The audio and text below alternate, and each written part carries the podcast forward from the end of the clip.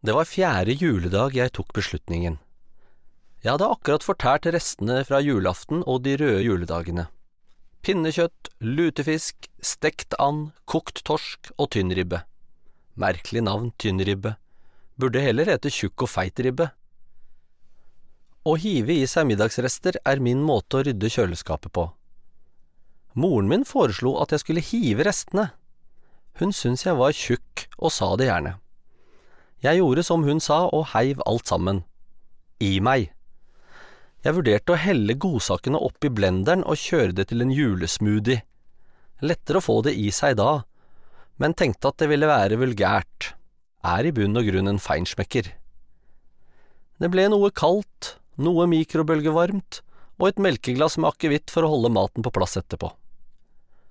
Brettet med link mot halsbrann og andre lumske syreangrep fra galleblæren var for lengst tømt, og jeg følte meg temmelig oppblåst og uvel da jeg rullet meg opp på den digitale badevekten.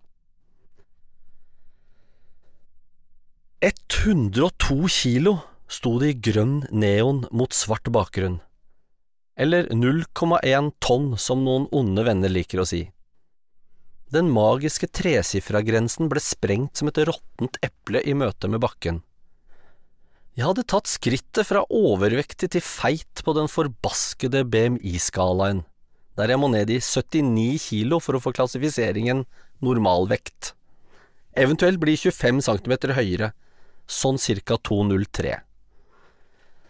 Da bestemte jeg meg for at i 2018 skulle jeg virkelig gå ned i vekt. Jeg skulle bli så tynn at folk måpte når de så meg, og klærne skulle henge og slenge rundt kroppen min. Det var vanskelig å finne ut hvilken dag jeg skulle begynne kampen mot kiloene. Det kom alltid noe i veien. Et forsinket julebord, gutteturer, øl og potetgull, og Champions League på TV med kompiser, og ikke minst et kjøleskap som alltid bjuder på, som de sier i Sverige. I mitt nye hjem er veien fra TV-sofaen til kjøleskapet mye kortere, faktisk bare tre meter, og jeg forbrenner ikke mange kalorier på en så kort tur selv om jeg nå tar turen langt oftere. Min kollega, som er livredd for å bikke 75 kilo, skeier gjerne ut med en kopp te til kvelds. Et tips han har delt med meg flere ganger. Jeg prøvde det samme en gang, og ble så fornøyd med at jeg hadde fått i meg teen at jeg belønnet meg selv med en megapose tortillachips. Den toppet jeg med en halv kilo jarlsbergost, jalapeños og chorizo, og gratinerte i ovnen til osten boblet av fryd. Retten kan anbefales på det kvalmeste, gjerne med en bøtte øl og fordøyelsesmiddel til. Å være rund har sine sider. Noen får så lyst til å klappe meg på magen som strutter ut i luften som en globus, at de til og med gjør det. Jeg har snakket med høygravide kvinner som har opplevd det samme, og de syns heller ikke at det er noe festlig. Men jeg misunner gravide kvinner. Etter noen måneder som tjukk kan de bare føde og vips, så er de tynne igjen. Noen ganger ser jeg ekstra tjukk ut på bilder. Det skyldes selvfølgelig delvis at jeg er tjukk.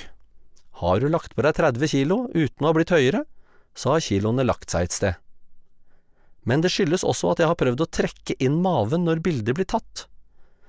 Det som skjer da, er at jeg fyller hele kroppen min med luft, og dermed eser overkroppen enda mer ut, nærmest som en zeppeliner.